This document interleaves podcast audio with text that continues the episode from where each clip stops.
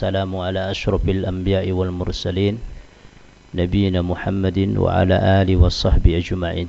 وبعد فقد قال الله تعالى في كتابه الكريم أعوذ بالله من الشيطان الرجيم. يا أيها الذين آمنوا اتقوا الله حق تقاته ولا تموتن إلا وأنتم مسلمون يا أيها الناس اتقوا ربكم الذي خلقكم من نفس واحدة وخلق منها زوجها وبث منهما رجالا كثيرا ونساء واتقوا الله الذي تساءلون به والأرحام. إن الله كان عليكم رقيبا. يا أيها الذين آمنوا اتقوا الله وقولوا قولا سديدا.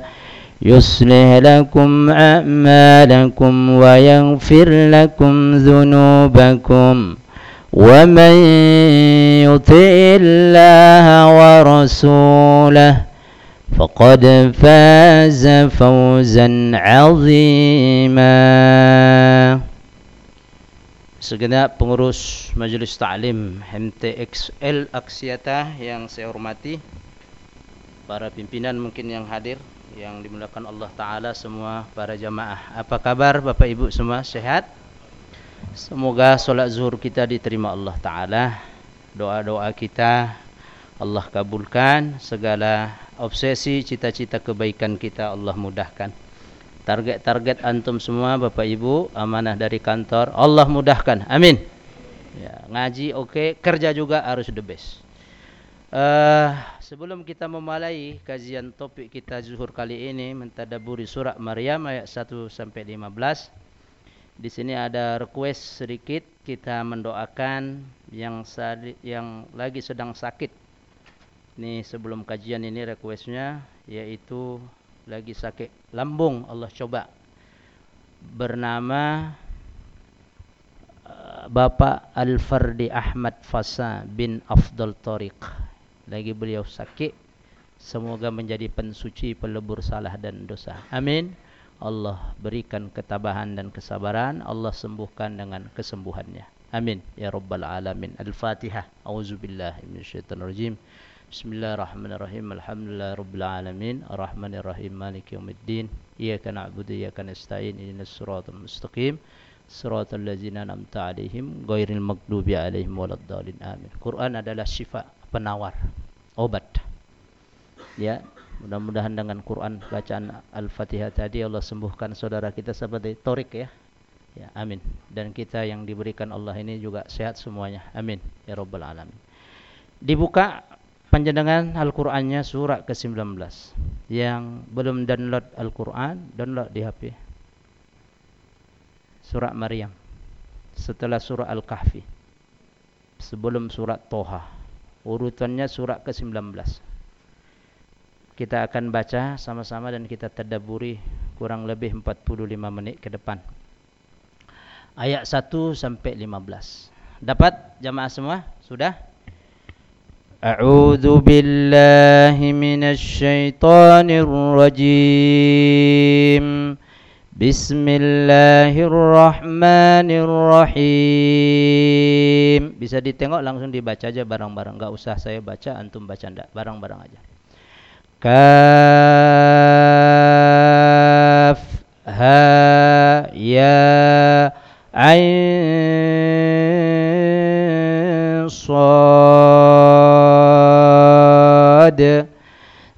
ذكر رحمة ربك عبده زكريا. إذ نادى ربه نداء خفيا. قال رب إن إني وهن العظم مني واشتعل الرأس شيبا. ولم أكن بدعائك رب شقيا وإني خفت الموالي من ورائي وكانت امرأتي عاكرا فهب لي من لدنك وليا يرثني ويرث من آل يعقوب واجعله ربي رضيا. يا زكريا إنا نبشرك بغلام. إنا نبشرك بغلام اسمه يحيى. لم نجعل له من قبل سميا.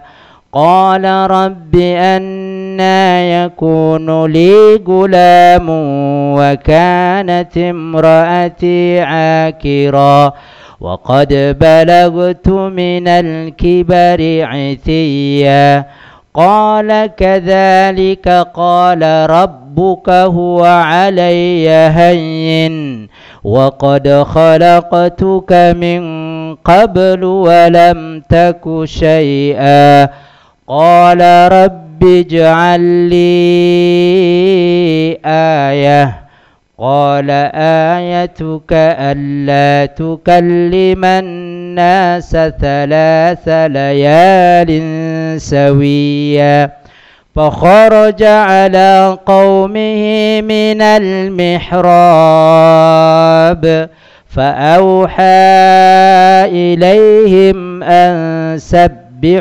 بكرة وعشيا.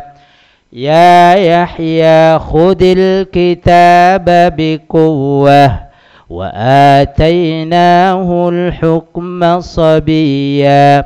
وحنانا من لدنا وزكاة وكان تقيا.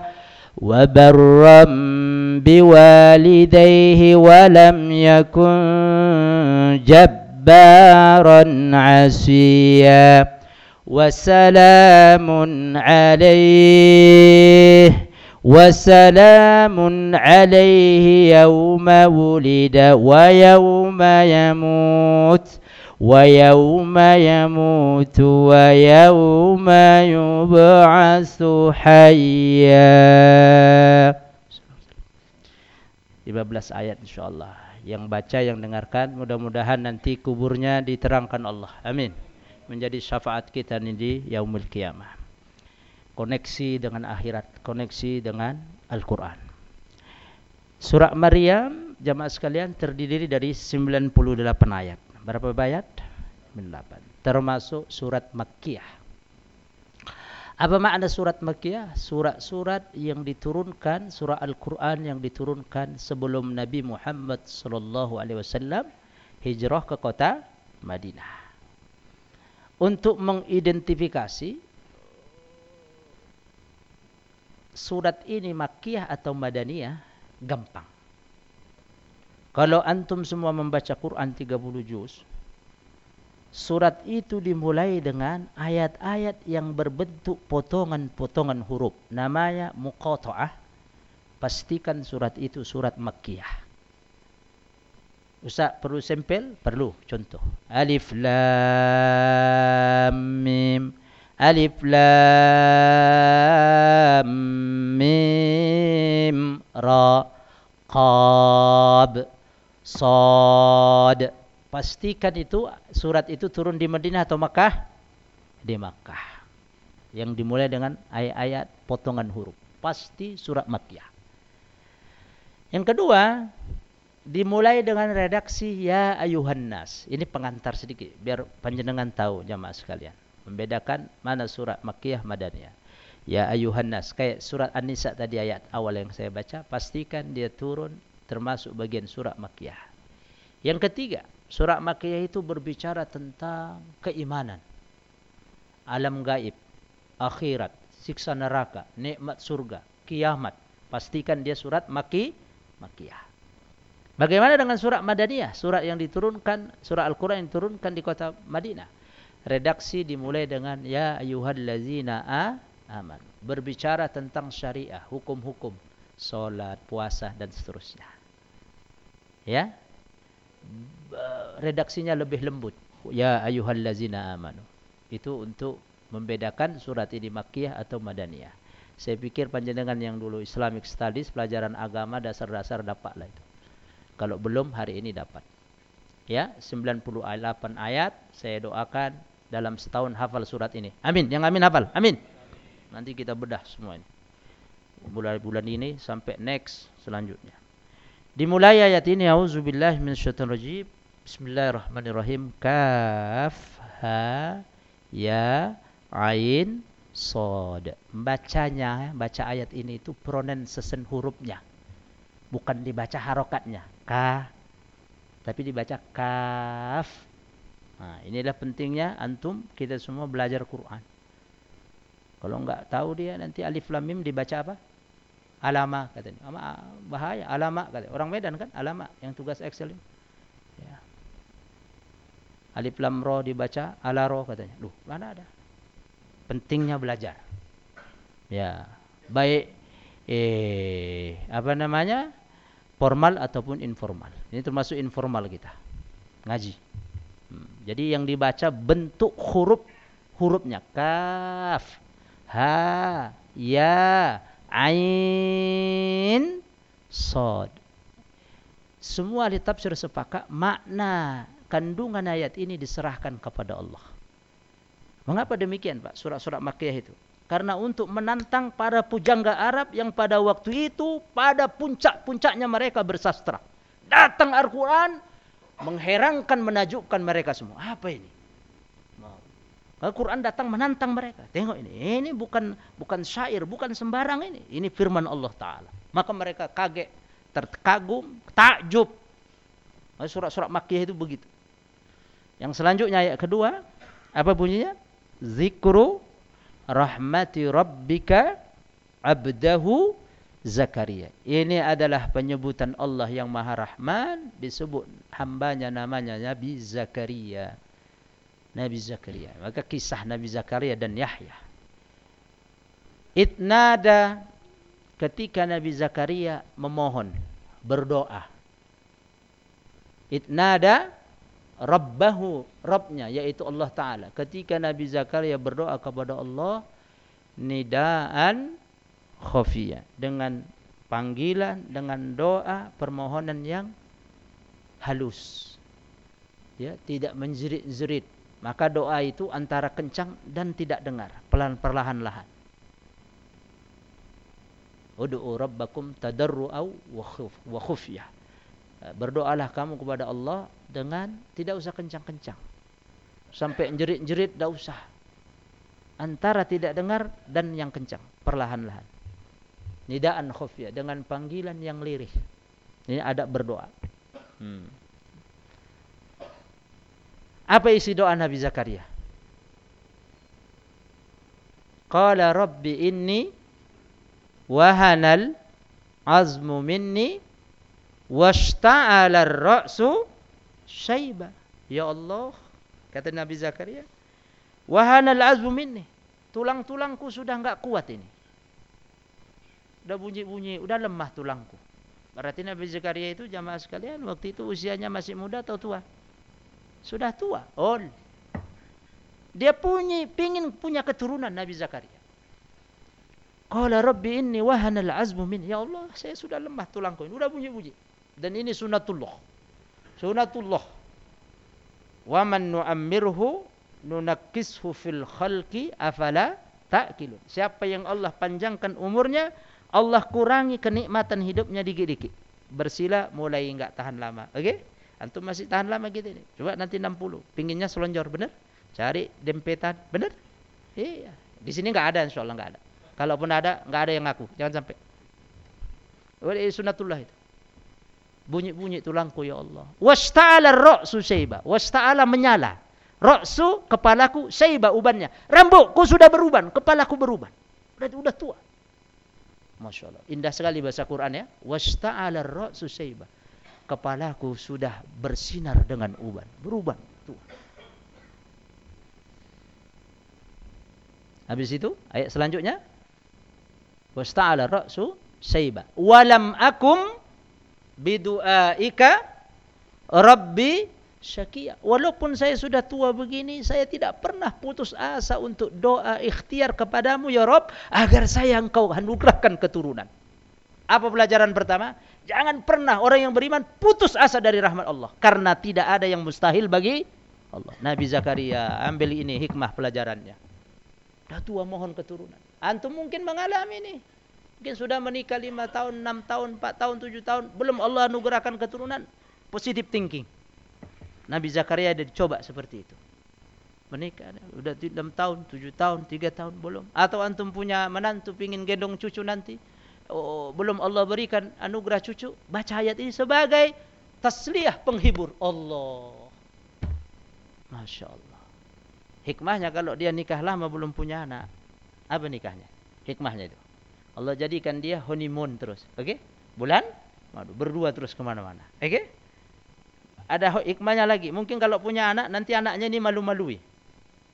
Kena nakobra, ya kan? Nakobra. Bukan narkoba, nakobra. Hmm. Ya, priswek. Wah, nauzubillah. Allah Maha tahu. Dan Allah menghendaki siapa yang Allah anugerahkan dia bayi laki-laki atau bayi perempuan atau Allah anugerahkan dia keturunan laki dan perempuan Allah atau Allah jadikan dia tidak punya keturunan Allah dalam surat Asy-Syura hmm. tengok Nabi Zakaria tidak pernah putus asa walam akum bidu'aika rabbi syakia makanya Allah taala kalau ada hambanya berdoa itu sangat senang sekali Allah itu sangat senang kalau ada hambanya berdoa minimal bapak sesibuk apapun doa Rabbana atina fid dunya hasanah wa fil akhirati hasanah wa qina azaban. Soal doa apa namanya itu? Sapu, sapu jagat. Bapak sapu semua jagat. Kebaikan dunia akhirat gabungkan kombinasi. Jangan enggak berdoa. Walam akum bidu'aika rabbi syakiyah. Ha, wa inni khiftul mawaliyah miwarai. Ya Allah, kata Nabi Zakaria, saya khawatir sepeninggal nanti saya, di belakang saya ini keturunan saya. Wa kanat imraati akhir. Istriku diponis enggak bisa enggak bisa buat atau enggak bisa memberikan ketu keturunan. Apa maknanya? Man mandul. Wa kanat imraati akhir. Istri Nabi Zakaria mandul, ponisnya mandul. Bahasa Jawanya gabuk. Fahabli min ladunka waliya. Anugerahkan aku ya Rob dari sisimu seorang keturunan anak. Berdoa terus. Tengok, tengok, tengok. Yarisuni yang keturunanku itu bisa mewarisi saya. Wa yarisu min ali Ya'qub. Dan mewarisi keturunan keluarga Ya'qub. Meneruskan perjuanganku. Maka tujuan dari pernikahan, ibu-ibu yang di belakang yang dengar ini kajian, adalah meneruskan keberlangsungan genera, generasi. Kalau laki perempuan menikah, ingin generasi. Jadi kalau ada perempuan, laki menikah, nggak ingin punya anak, keluar dari fitrah. Hmm, keluar dari fitrah. Maka ada kita siang hari ini dulu, karena ada ibu dan ayah kita. Hmm, hmm, hmm. Tidak mungkin kalau ayah kita nikah dengan ayah lain, atau mama kita nikah dengan mama lain, ada kita di sini siang ini. Benar? Maka fitrah yang diikat dengan iman, pernikahan itu viral, maka dia dapat pahala. Melahirkan keturunan yang kuat. Zaman sekarang lanang kambek lanang, wedok kambek wedok, ngopo itu? Kambing pun tak pernah kita tengok begitu. Ini ciri akhir zaman. Hmm? Yarisuni menjadi pewaris keturunanku ini. Mewarisi saya, wa yarisu min ali Yaqub, mewarisi keluarga Yaqub. Waj'alhu ya Allah kata Nabi Zakaria. Ini masih doanya.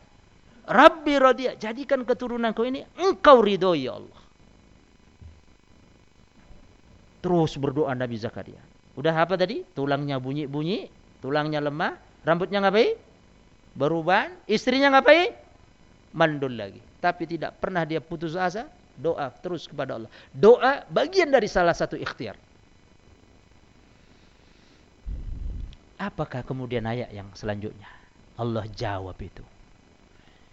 Allah jawab, "Ya Zakaria," kata Allah, "Wahai Zakaria, inna sesungguhnya kami nubashiruka akan memberikan kabar gembira kepadamu." Dikenal dalam istilah bahasa Arab busro. Apa Pak?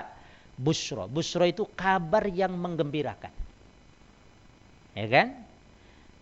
Orangnya namanya Basir.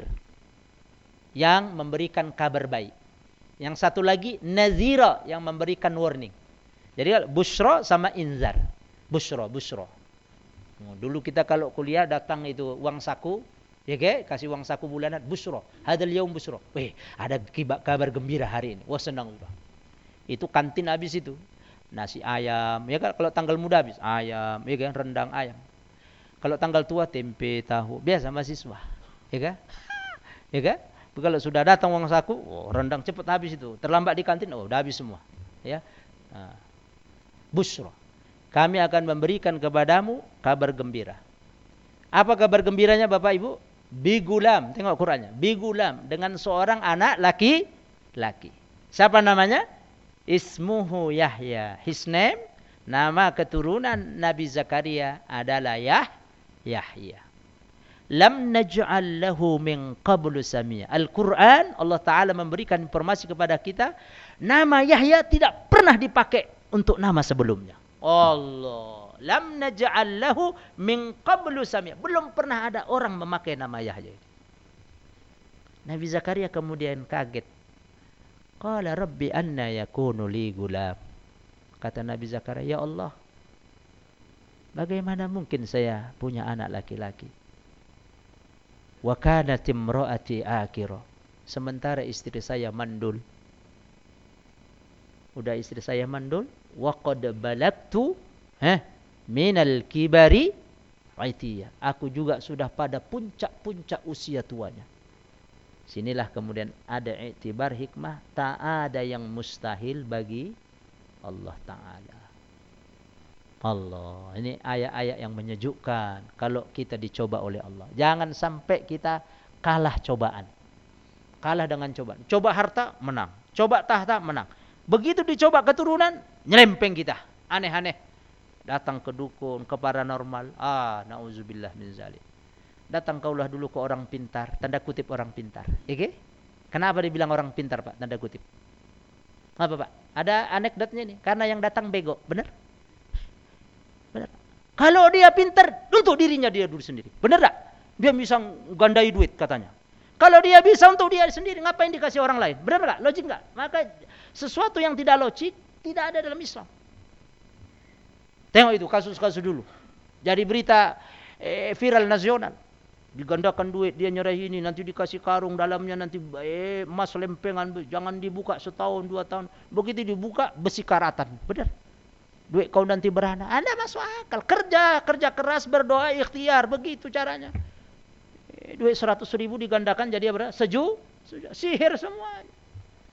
Apa? Yang datang bego. Benar. Itu makanya bahasa Betawi itu bego diambil dari bahasa Arab, gobiyun. Apa? Gobi, ya ke? Ya-nya dibuang, kemudian dibaca dari belakang, bego. Oh, cerdas orang Betawi. Gobiyun. Tengok, gobiyun. Ya-nya dibuang, arsir buang, terus b gu. Benar ya? Jangan sampai antum dah usah mau saya promosi di Excel saat naik naik pangkat cepat ini GM, direktur datang ke dukun. Enggak, enggak. Enggak boleh dicoba antum termasuk dicoba keturunan. Datang man ata arrafan kata Rasulullah SAW bersabda dalam hadis sahih siapa datang ke orang paranormal? Tengok-tengok dengeri lam tuqbal minhu salatuhu arba'ina yaum anda diterima. Solatnya 40 hari 40 malam. Datang dia tanya-tanya konsul, konsultasi konseling. Tidak diterima. Eh solatnya berapa hari 40 40 40 hari 40 hari. Ngapa Pak enggak diterima? Karena dia paradok bertentangan dengan apa yang dia baca iya kana budu maka hati-hati antum. Kalau dicoba begini udah enggak usah ikuti itu. Datang kau ke orang pintar tadi tanda kutip. Paham ya? Ada anekdot kenapa dibilang orang pintar? Karena yang datang ha? antum yang bilang itu dan anak juga. Hmm. Jangan mau begitu. Kerja keras, berusaha. Hmm, ini coba baca ayat ini. Oh, ini cobaan Nabi Zakaria begini. Mana mungkin saya punya anak ya Allah, istri saya mandul, saya pada puncaknya usia tua. Apa jawaban Allah? Ayat selanjutnya. Qala kadzalika qala rabbuka huwa alayya hayyin wa qad khalaqtuka min qablu tengok walam taku syai'a Allah berfirman demikian itulah kata Allah bagiku mudah Sungguh aku telah ciptakan engkau wa qad khalaqtuka min qablu sebelum itu kamu tidak ada apa-apanya. Walam takus. Bisa bagi Allah. Manusia hanya terdiri dari eh pertemuan antara air kemudian opum sel indung telur dibuahi terus ada daging-daging tulang dibalut lagi daging terus 40 40 4 bulan di eh, tiup nyawa bisa bagi Allah. Mudah bagi Allah. Mudah bagiku kata Allah. Aku ciptakan dulu kamu sebelum ini tidak ada apa-apanya. Nabi Zakaria kemudian memohon kepada Allah tanda-tanda. Tengok bagaimana ya Allah tanda-tanda nanti saya punya keturunan, istri saya hamil. Tengok ayat selanjutnya. Qala rabbi ja'alli ayah. Ya Allah, jadikan bagiku tanda-tanda kebesaranmu kalau nanti saya bisa punya anak. Istri saya hamil. Apa jawab Allah Pak? Tengok. Qala ayatuka alla tukalliman nasa salasa layalin sawiya. Di antara tanda-tandaku kebesaranku kepadamu engkau nanti bisa punya anak. Namanya tadi Yahya. Engkau tidak bisa bercakap-cakap. Mulutmu terkunci tak bisa mengeluarkan kata-kata sementara kau sehat wahai Nabi Zakaria. Berapa hari? Tiga hari tiga malam. Nabi Zakaria. Hmm. Makanya Nabi Zakaria nanti memerintahkan kaumnya dengan bahasa isyarat ya body language. Itu itu. Tengok. Qala qala ayatuka alla tukalliman nasa thalatha layalin. Sawiya engkau sehat tak bisa kau bercakap-cakap. Hmm. maka Nabi Zakaria dengan isyarat. Setelah itu Nabi Zakaria keluar dari mihrab. Mihrab itu apa artinya? Tempat pengi tempat i imam dari Masjidil Aqsa.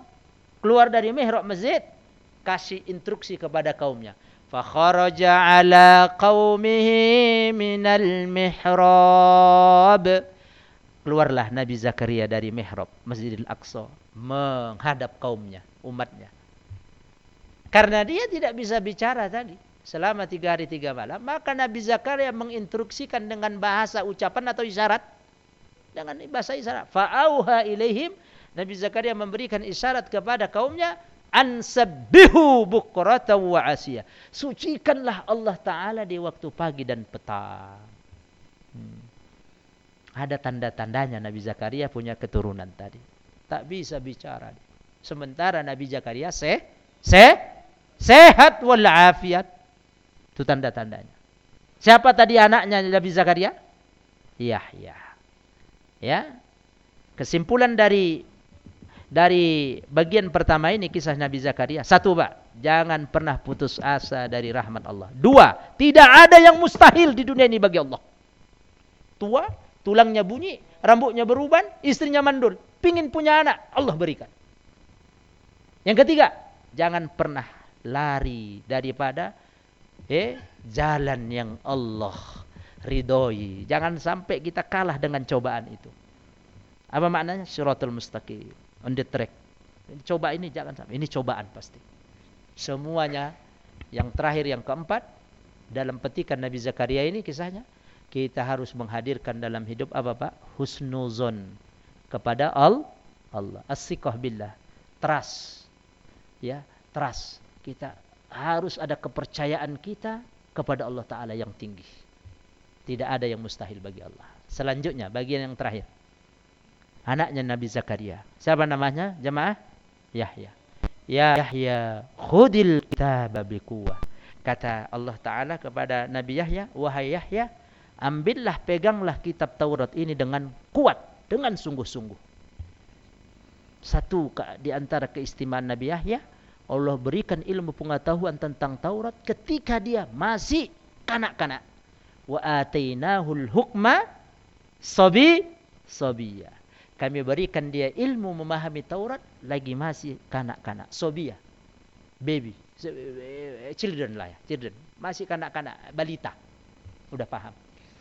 Wa atainahul hukma sobia. Wahananan. Ciri selanjutnya. Ciri selanjutnya Nabi, Nabi Yahya. Wahananan min ladunna. Allah ya karim. Hanan.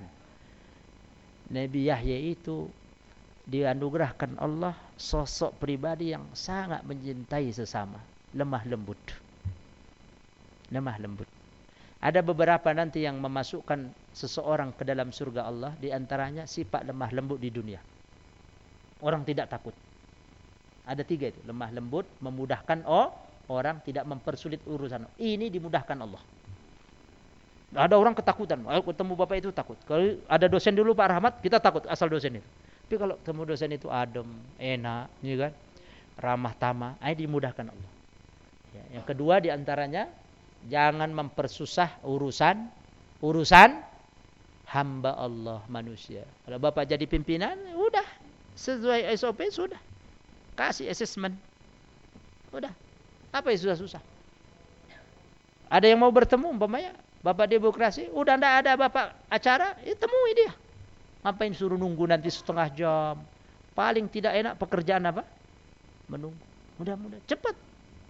Pak Iza parokta pansop wa ila rabbika parokta. Udah usai, selesaikan kerjaan lain, serahkan pada Allah. Eh, tidak ada lagi kamus cerita kalau bisa dipersulit ngapain dipermudah. Itu buang itu. Buang itu. Itu nanti kalau mati pertama susah dia di dunia. Kedua nanti di akhir susahkan Allah. Hmm, itu, itu itu konsep buang itu. Sekarang kan orang bercepat-cepat semua. Dalam dunia bisnis orang mengambil menjebuk bola sekarang semuanya, benar tak? Kalau bapak bersulit, bapak saya kalah saingan pasti. Mau cepat apa yang bisa mudah untuk customer pelanggan cepat. Kalau tidak kalah, bersaing terus. Dan itu konsep dalam Islam. Ketika Rasulullah mengutus Abu Musa al-Ash'ari dan Mu'ad bin Jabal untuk dakwah ke Yaman, apa yang Rasulullah pesankan? Masih ingat dalam sirah? Yassira wa la tu'assira. Sudah pernah saya bahas di sini kayaknya. Eh, Abu Musa al-Ash'ari kata Rasul dan Mu'ad bin Jabal, mudahkan oleh kamu dalam bertugas. Jangan kau persu, persulit umat itu. Dia diutus oleh Rasul, dikirim Rasul dari Madinah ke Yaman ya menemui ahlul kitab penduduk Yaman ahlul kitab innaka la ta'ti ahlul kitab sungguh engkau akan menjumpai mendatangi satu komunitas di Yaman ahlul kitab. Mudahkan urusan mereka jangan kau persulit. Basyira wala tunaffira. Khitabnya yang dikasih tugas dua orang ini oleh Rasul. Siapa tadi? Abu Musa al-Asari dan Mu berikan kabar gembira. Jangan kau takut-takuti dulu orang. Jazbul qulub. Meregut hati dulu. Wah, udah. Baru nanti yang lainnya. Oh ini, jangan udah takut duluan orang. Bahaya. Takut-takut sama saya solat di masjid Excel salah-salah terus saya. Baru tobat dulu preman dia pelabuhan kan, baru tobat. Ya kan? Oh tatu ente tatuan, oh enggak sah. Solatmu enggak sah ini sampai kiamat. Eh, tatuan dulu enggak enggak kenal Allah. Ya udah fattakullah mastata. Kalau dia ada usaha nanti hilangkan tatunya dengan itu yang ngilangi tatu gratis kan, lagi viral kan. Awal-awalnya gimana lagi? Bahkan orang yang pertama juga kalau dia dapat hidayah, apa yang dia bisa baca dalam solat, apa yang dia ingat bismillah, bismillah aja. Tapi terus dia harus belajar lagi. Tengoklah mudahnya itu. Jangan baru masuk dapat hidayah, kau harus hafal. Minimal kau ayat kursi. Al-Fatihah. Wah, ma, kaburlah dia udah. Susah banget ini. Apa yang kau bisa, akhi, brother? Hah? Bisa. Mudahkan. No, oh, enggak sah kau. Tatuan. Oh, barangkali dia bergabung dalam sob barisan kita nanti ada hikmah besarnya. Menjadi sosok Umar ya kan? Ada tugas-tugas. Jangan main-main dengan program ini. Siapa yang ngurusi program ini saya yang hadapi dia. Oh tersentuh dia dengan dakwah. Oh mak tengok itu. Coba kalau eh, kau enggak sah kau solat gini kau tatuan semua badanmu mak. Dulu dia enggak kenal Islam akhi. Wahana nanti lemah lembut. Memahami orang Milladunna dari sisi kami. Allah berikan tadi anugerah lemah lembut Nabi Yahya. Wa zakatan. Zakat di sini bukan zakat. Wa zakatan suci. Nabi dan Rasul maksum dari dosa. Wa kana taqiyya dan dia orang yang bertakwa, sosok yang bertakwa. Apa tadi Pak? Dikasih ilmu Taurat sejak kecil, ya kan? Diberikan Allah hikmah, ilmu tentang sejak kecil, lemah lembut kepada sesama, eh, suci dia dari dosa dan maksiat, bertakwa kepada Allah. Selanjutnya sifatnya wabarram biwalidayhi. Allah ya karim. Nabi Yahya itu berbuat baik selama hidupnya kepada orang tuanya.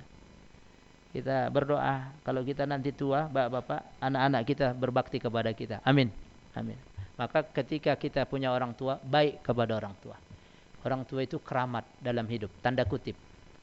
Kalau kita tadabbur Quran, setelah perintah kita kepada Allah untuk menyembah dan mentauhidkan Allah, perintah yang kedua kepada siapa? Orang tua berbuat baik. Apapun dia. Bapak cuti, cuti dulu, mengajukan cuti ke atasan. Saya harus menemani orang tua saya sakit di rumah sakit. Pulang kampung. Cuti dulu. Orang tua, Pak. Kita akan merasa kehilangan bila tidak ada orang tua. Betapa luar biasanya orang tua itu. Ha. Ada muda kisahnya banyak sekali. Datang kepada Rasul sallallahu alaihi wasallam. Man ahaqqu bi husni sahabati ya Rasul. Siapa yang harus saya perlakukan lebih baik? Number one, prioritas dalam hidup saya. Apa kata Rasul? Ummuk. Ya kan? Mamamu, your mother, ibumu. Fakultu summa man ya Rasulullah. Siapa lagi? Rasul tetap berapa kali? Tiga kali. Ummuk, ibumu, ibumu. Baru yang terakhir siapa? Abuk, your father, ayah. Tengok, luar biasa itu. Maka disitulah kemudian muara daripada makna hadis Rasulullah ridallahi fi ridal walidain wa sukhtullahi fi sukhtil walidain. Ridho Allah itu paralel dengan keridhaan orang tua. Murka Allah juga sangat dekat dengan kemurkaan orang tua. Allah. Maka kalau antum agak-agak susah kerja, minta doa kepada orang tua, telepon, kasih di sedekah. Ini mak, tadi baru transfer mak. Alhamdulillah mak untuk bantu-bantu beli cabai garam ya mak, satu juta lima ratus. Oh, atau satu juta. Senangnya minta ampun. Murah rezeki kau nak ya di Jakarta, sehat-sehat kalian. Allah dimudahkan kerjaan. Oh, membuka tabir langit itu pak. Jangan lupa antum. Uh target ini divisi kita kok berat kali. Udah ambil tawassul beramal soleh tadi agar dimudahkan Allah pekerjaan bapak. Dengan apa? Berbuat baik kepada siapa? Orang orang tua. Wa barram biwalidayhi. Yang terakhir, walam yakun jabbaran, ha? Asiya. Nabi Yahya itu tidak termasuk orang yang jabbar. Jauh dari sifat al-jabbar. Nabi Yahya tidak termasuk orang yang sombong. Berarti apa? Tawadu, ramah. Pada siapa saja dia bergaul untuk mengajarkan kebaikan. Tidak pilih-pilih. Asia juga bukan sosok orang yang durhaka kepada Allah. Ditutup ayat itu terakhir 15-nya. Tengok kalau udah begitu closing. Wassalamun alaihi. Selamat sejahteralah bagi Nabi Yahya. Kapan? yauma wulida di hari dia dia dila dilahirkan wa yauma yamut sejahtera selamatlah bagi nabi yahya ketika dia wafat wa yauma dan sejahtera selamatlah bagi nabi yahya yauma yub'atsu hay hayya ketika dia nanti dibangkitkan dalam keadaan hidup apa maknanya sosok dari nabi yahya ini sifat-sifat yang luar biasa tadi berikan ilmu oleh Allah sejak anak-anak Maka kebiasaan orang soleh, bapak-bapak, mohon maaf, antum jangan salah persepsi. Kalau anak kecil itu janganlah dibebani ngapal, salah. Antum googling, antum baca apapun dia sejarah. Orang-orang hebat terdahulu pasti sejak kecil dia menghafal. Enggak, so, nanti terlalu berat. Jangan. Suruh ngapal. Ayat-ayat pendek, hadis. Itu kebiasaan orang soleh. Imam Syafi'i hafal 30 juz umur berapa? Hatam? 7? 7 tahun. Semua orang-orang hebat sejak kecil ngapal. Maka kalau antum punya anak sejak kecil, dia suruh ngapal. Bahkan sejak dalam perut ibunya. Stomat, stomat, batun, filhaml. Bacakan dia. Rekam dia. Begitu empat bulan hamil istri bapak, suruh bacai atau bapak bacai. Tak bisa baca dua orang tuanya, belikan yang baca. Benar? Apa itu? Imbok Quran. Benar? Setel terus. Tengok, sejak kecil diberikan ilmu hikmah tadi tadabbur dari ayat itu maka sejak kecil itu juga anak kita harus ajari menghafal salah kalau sejak kecil enggak suruh menghafal bapak googling semua sejarah orang top sejak kecil dia menghafal menghafal Quran karena apa itu usia-usia emas. Golden time. Waktu zahab. Kalau dihabisi untuk main PlayStation, anteklah itu semua. Tahu PlayStation? Itu legacy apa itu yang game apa? Legacy apa? Ah, eh? Apa? Yang apa Mobile Legend entah apa lah itu antum yang habislah itu dah habis. Lama-lama bapak nanti dipukul. Ya lama-lama. Perang-perangan dia terus. Diajari. Kalau mau bapak ambil teknologi itu, ambilkan download yang islami. Game yang islami. Ada Ustaz? Ada. Saya begitu saya dengan orang rumah. Boleh dia pakai Jumat saja, hari libur Jumat. Kau pegang. Ye, pagi jam 9 sampai habis asar selesai. Tapi sudah diformat. Main game dia. Al-Quran. Huruf ba mana? Nanti suruh neruskan. Wal-layli idha yagusha. Ayat selanjutnya, dia baca. Wan-nahari idha taj... Oh benar. Main. Tinggal disetel saja. Karena Islam tidak anti tekno teknologi untuk kebaikan. Itu jalan. Maka salah kalau ada orang tua sejak kecil anak tak suruh ngapal. Suruh ngapal. Suruh ngapal. Wallahi demi Allah. Nanti kalau dia besar sudah punya basic yang kuat. Allah. Mau jadi ahli IT kayak antum, udah kuat Al-Qur'annya. Wah, semua gitu dulu. Kalau kalau dia kecil kosong, udah kosong lah. Nanti sekolah umum lagi kosong aja kosong terus. Begitu disodorkan Islam, nolak. Ya okay? Itu dia. Kenapa? Tak ada basic yang kuat. Mudah-mudahan bermanfaat kaji ceramah kita siang hari ini. Amin ya rabbal alamin. Insyaallah kita lanjutkan bulan depan ayat ke berapa? 16 kisah ibunda tercinta Maryam dan Nabi Isa alaihi salam. Mudah-mudahan Allah mudahkan semua cita-cita antum, tugas-tugas antum. Yakin? Uh, insyaallah dengan ngaji connecting connecting dengan akhirat. Antum yakin? Harus yakin. Hadirkan keyakinan bahwa Allah mudahkan amanah-amanah tugas antum. Ngaji tidak ketinggalan juga karir antum juga tidak ketinggalan. Amin. Ya rabbal alamin. Kita tutup dengan doa. Subhanakallahumma wa bihamdika asyhadu an la ilaha illa anta astaghfiruka wa atubu ilaik. Hadanallahu wa ajma'in billahi taufiq wal hidayah. Mohon maaf bila ada khilaf salah. Semoga Allah taala selalu memberkahi kita semua. Amin.